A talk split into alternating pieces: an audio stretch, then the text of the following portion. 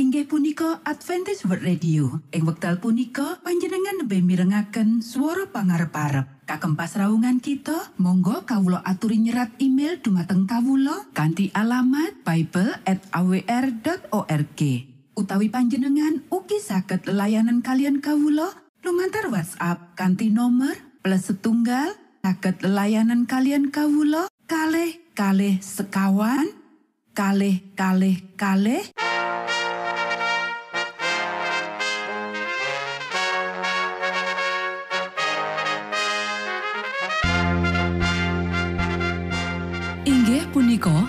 Adventist World Radio ingkang giaran kanthi basa Jawi. Tentrem Rahayu kula aturaken kagem para mitra kinasih ing pundi papan lan panggonan. Sugeng pepanggian malih kalian Adventist World Radio.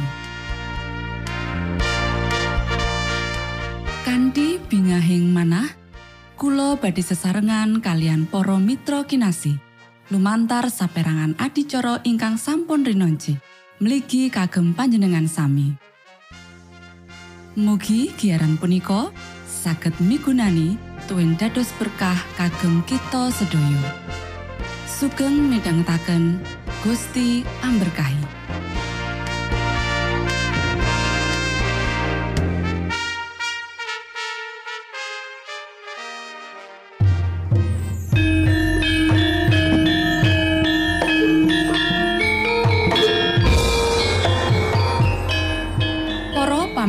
Kinasih ing Gusti Yesus Kristus, sugeng pinanggih malih kalian Adventist World Radio.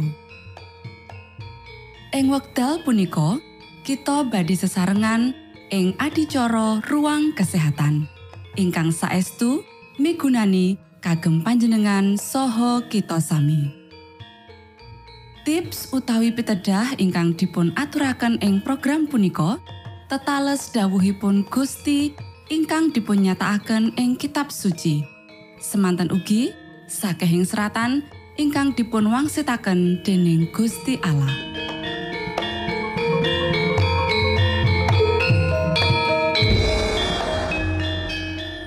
Nanging saderengipun monggo kita sami midhangetaken kidung pujian.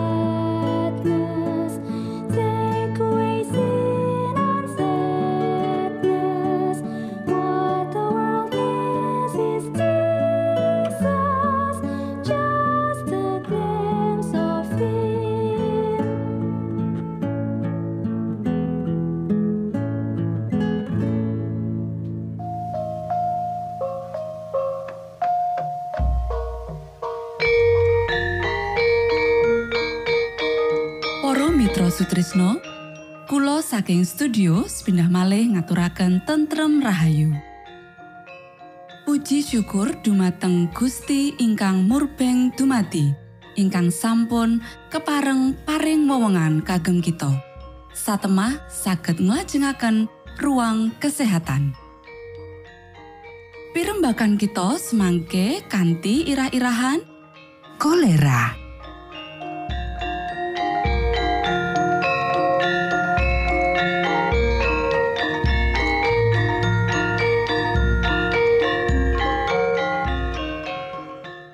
Nuwun dumateng para pamirsa kakung saha putri ingkang dahat kinurmatan. Sugeng pepanggihan malih kalian kula Isti Kurnaidi ing adicara tips kesehatan. Ing dinten punika kanthi irah-irahan kolera. Para sedherek ingkang kinasih, WHO ngira-ira menawa telu nganti limang yuta perkara anyar kolera didiagnosa saben taun. Kira-kira 100.000 wong sing didiagnosis kena penyakit iki tiwas. Kolera ya iku lelara amarga bakteri sing infeksi usus alus. Panyebaran kuman lumantar banyu lan panganan kang kena kontaminasi.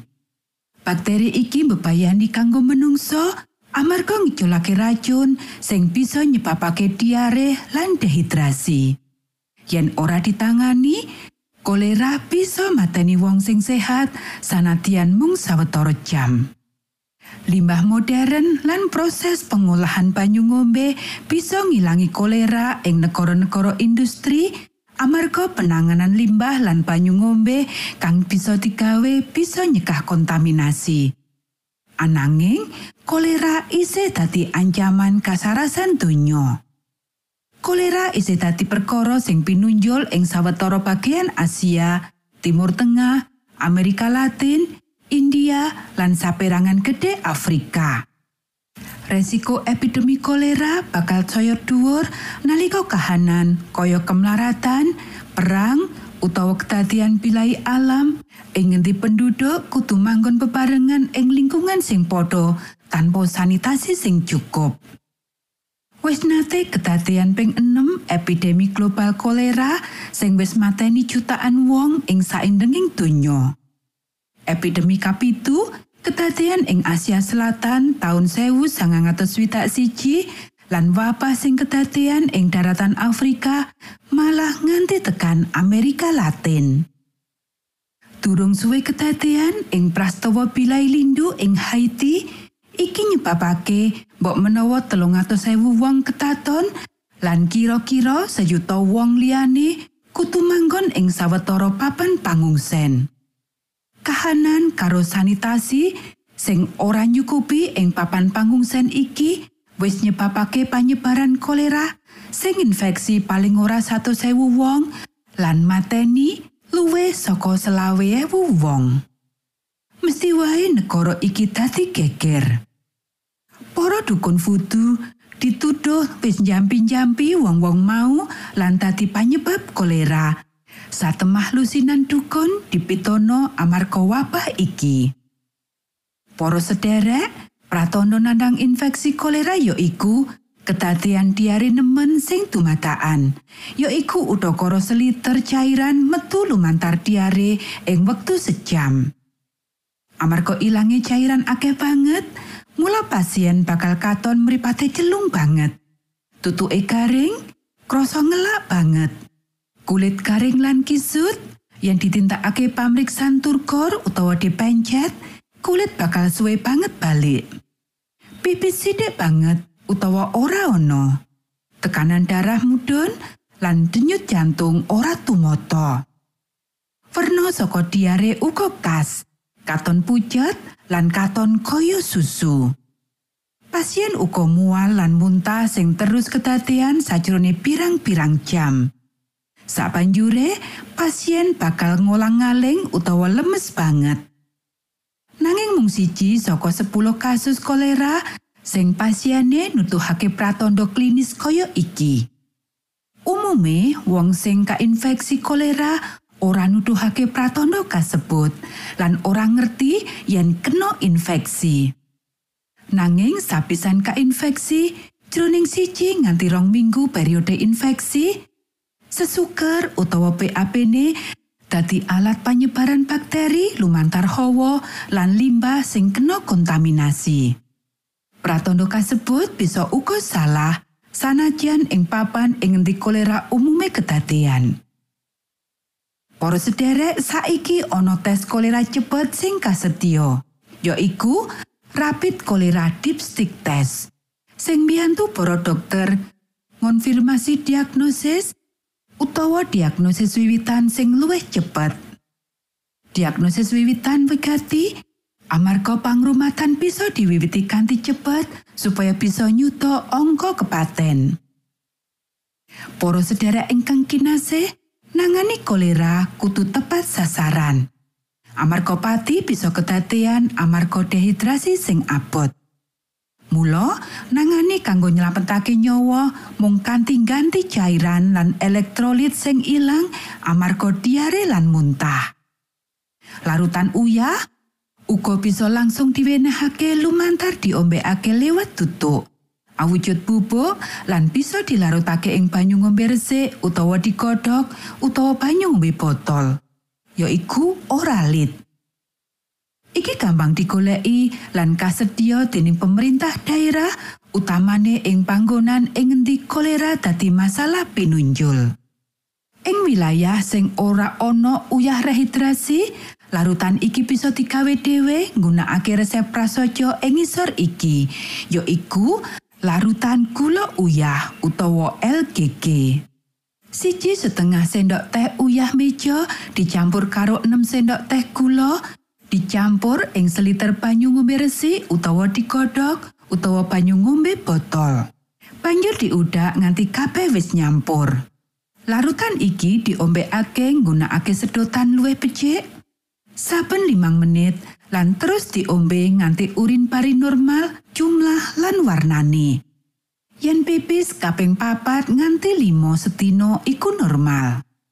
Akeh kasus ing ngendi pasien bisa ditambani mung kanthi diwenehi rehidrasi lumantar tutuk.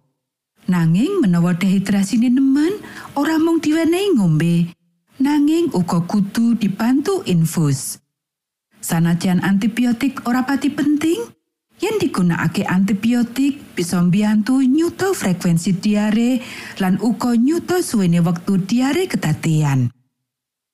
Para sederek, saiki kita bakal nyinau cara sing paling apik kanggo nyegah infeksi bakteri kolera. Cara sing paling apik ya iku tumindak panyegahan kayata sregep utawa asring ngumbah tangan nganggo sabun ing banyu sing mili utamane sakwise BAB utawa pipis lan sadurunge masak utawa nyapake panganan. Kosok tangan paling sedidik 15 detik sadurunge dibilas nganggo banyu sing mili. Yen banyu lan sabun ora kasetya, sampeyan bisa uga nggunakake larutan wiso tangan sing ada dasar alkohol utawa hand sanitizer. Sabanjure, ngombe menggunakake banyu ngombe sing resik, sing wis digodhog utawa banyu ngombe botol utawa banyu mineral. Sampeyan bisa uga disinfek sumber banyu ngombe dhewe. Salah siji cara yaiku nambah loro dadas pemutih keluarga menyang seliter banyu. Gunakake iki nalika sampeyan nyikat untu. Ojo ngombe banyu langsung saka kran, banyu saka sumber lan es batu. Cara sabanjure yaiku mangan mung panganan sing wis dimasak nganti mateng lan luwih becik isih panas. Menawa sampeyan tuku panganan sing didol ning pinggir dalan, pastekake menawa dimasak ing ngarep sampeyan lan dipangan nalika isih panas. Bakteri sing nyebabake kolera uga ditemokake ing iwak lan kerang, utamane kerang. Mula aja mangan iwak mentah utawa setengah mateng utawa panganan mentah liyane kalebu sushi. Mangan mung woh-wohan utawa sayuran sing bisa dionceki, kayata gedang, alpukat, lan jeruk. Aja mangan salad lan woh-wohan kayata anggur lan woh-wohan peri utawa woh sing ora bisa dionceki.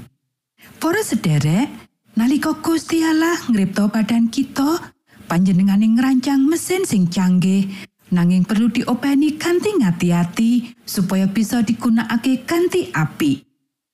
Ing kasus kolera, leloro iki disebabake dening bakteri. Dadi ora disebabake dening jampi-jampi dukun vudu. Kanggo tumindak nyegah, kita kudu ngripi maneh prinsip dasar kasarasan. Amarga bakteri kasebut nyebar saka banyu lan panganan sing kena kontaminasi utawa reget, mula menawa ngombe mung banyu sing wis mateng utawa digodhog utawa banyu mineral. Miso tangan sawise menyang WC kanggo mbucal utawa pipis lan nalika nyapake panganan lan masak. Mangan panganan sing wis dimasak lan disuguhake panas. Ojo iwak utawa panganan laut sing mentah utawa kurang mateng kalebu susi lan uga kerang kayata tiram. Mangan woh-wohan lan sayuran sing bisa dionceki kaya gedang, jeruk, apukat. Lan pungkasan, ojo mangan salad utawa sayuran seger lan woh-wohan kaya anggur lan woh-wohan peri utawa woh-wohan sing kulite ora bisa dionceki.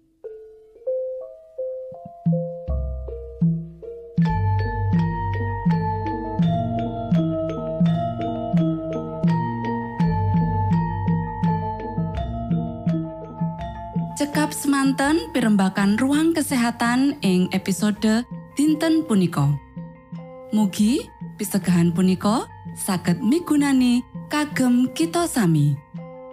Ugi sampun kuatos jalaran kita badhe pinanggih malih ing episode sak lajengipun.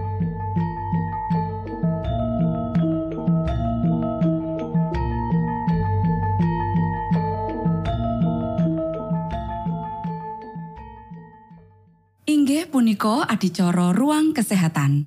Menawi panjenengan gadah pitakenan utawi ngersakaken katrangan ingkang langkung, monggo kulo aturi kinton email dateng alamat ejcawr gmail.com utawi lumantar WhatsApp kanti nomor 025 pitu 00 songo songo papat 00 pitu.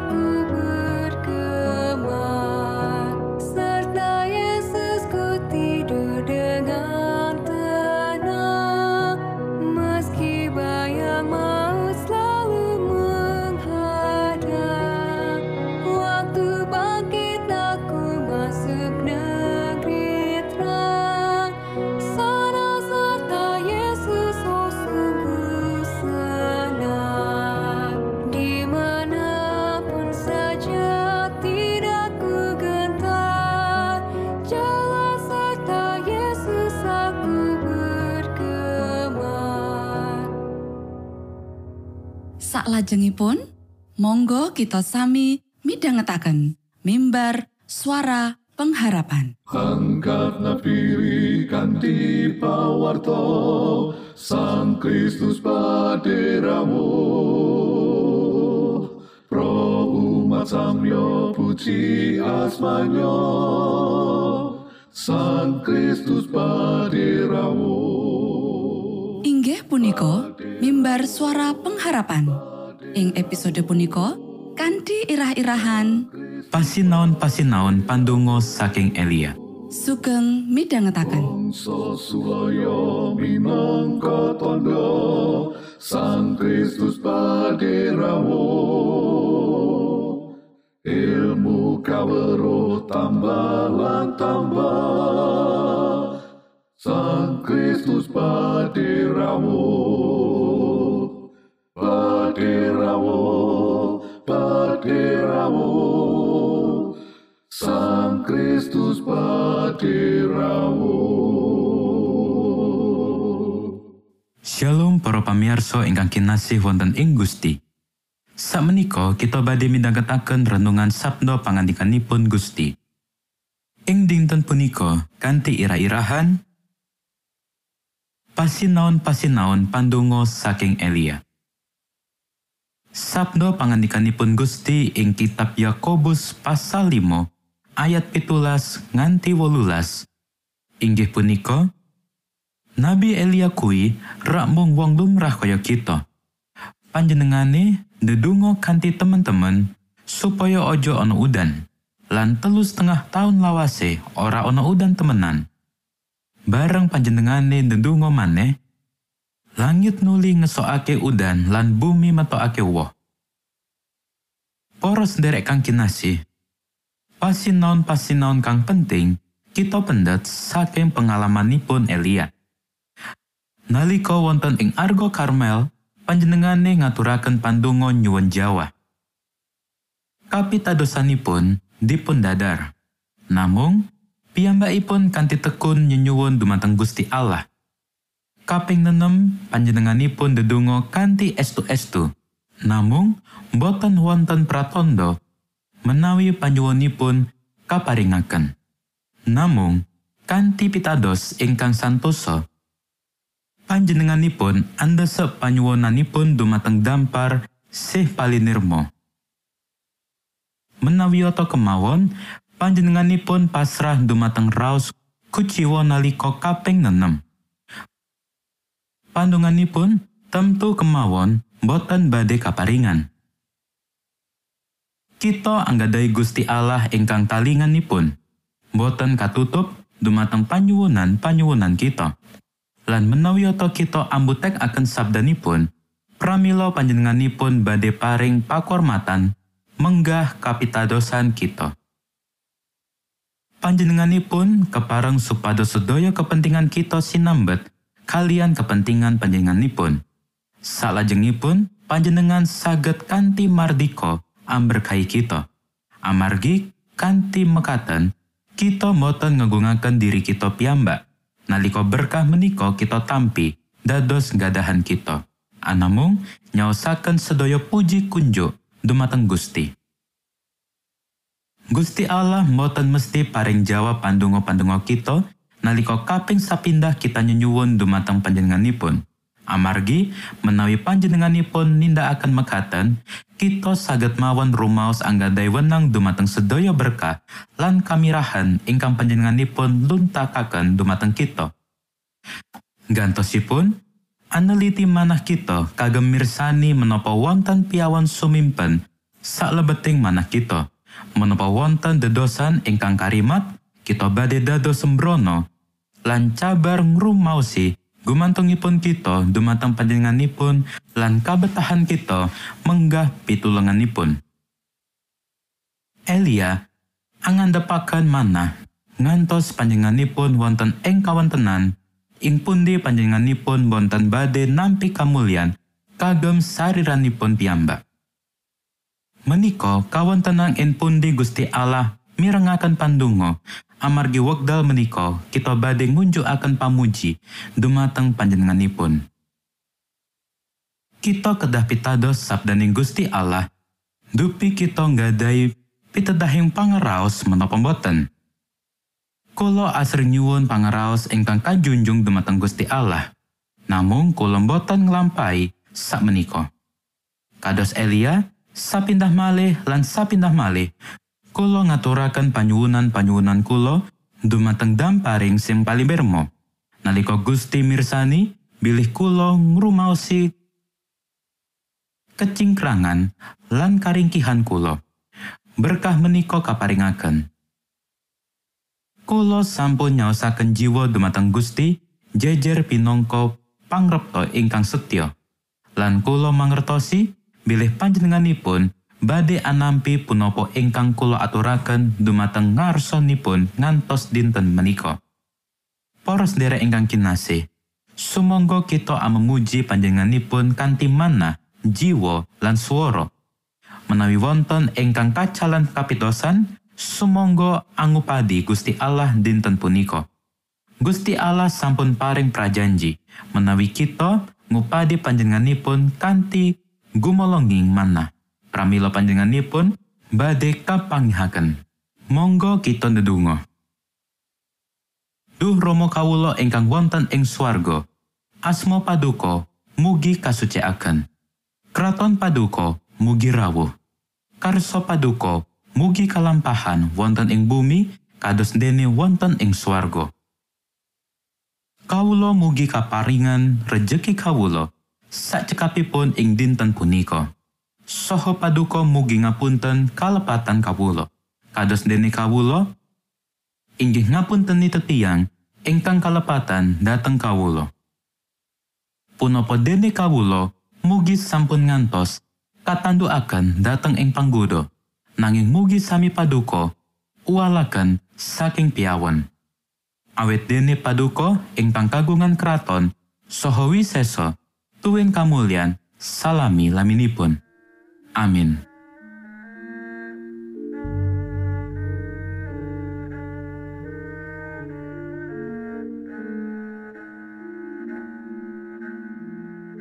Para Mitra Sutrisno, pamiarsa kinasih ing Gusti Yesus Kristus. Sampun paripurna pasamuan kita ing dinten punika. Inggih awit winatesipun wekdal pramila kita pisah sawetawis. Menawi panjenengan gadah pitakenan utawi ngersakaken seri pelajaran Alkitab suara nubuatan, monggo Kulo aturi kinton email dateng alamat ejcawr gmail.com utawi lumantar WhatsApp kanti nomor 025 pitu 00 songo songo papat 00 pitu.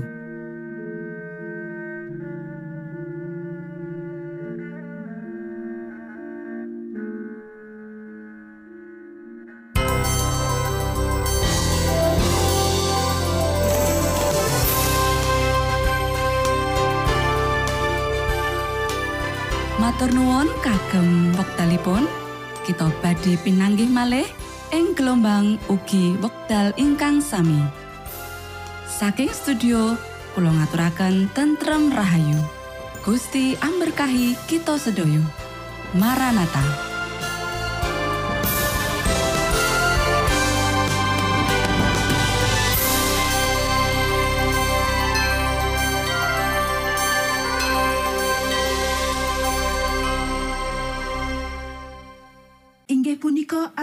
World Radio. Ing wekdal punika panjenengan lebih mirengaken suara pangarep-arep. Kagem pasraungan kita, monggo kawula aturi nyerat email dumateng kawula kanthi alamat bible at awr.org.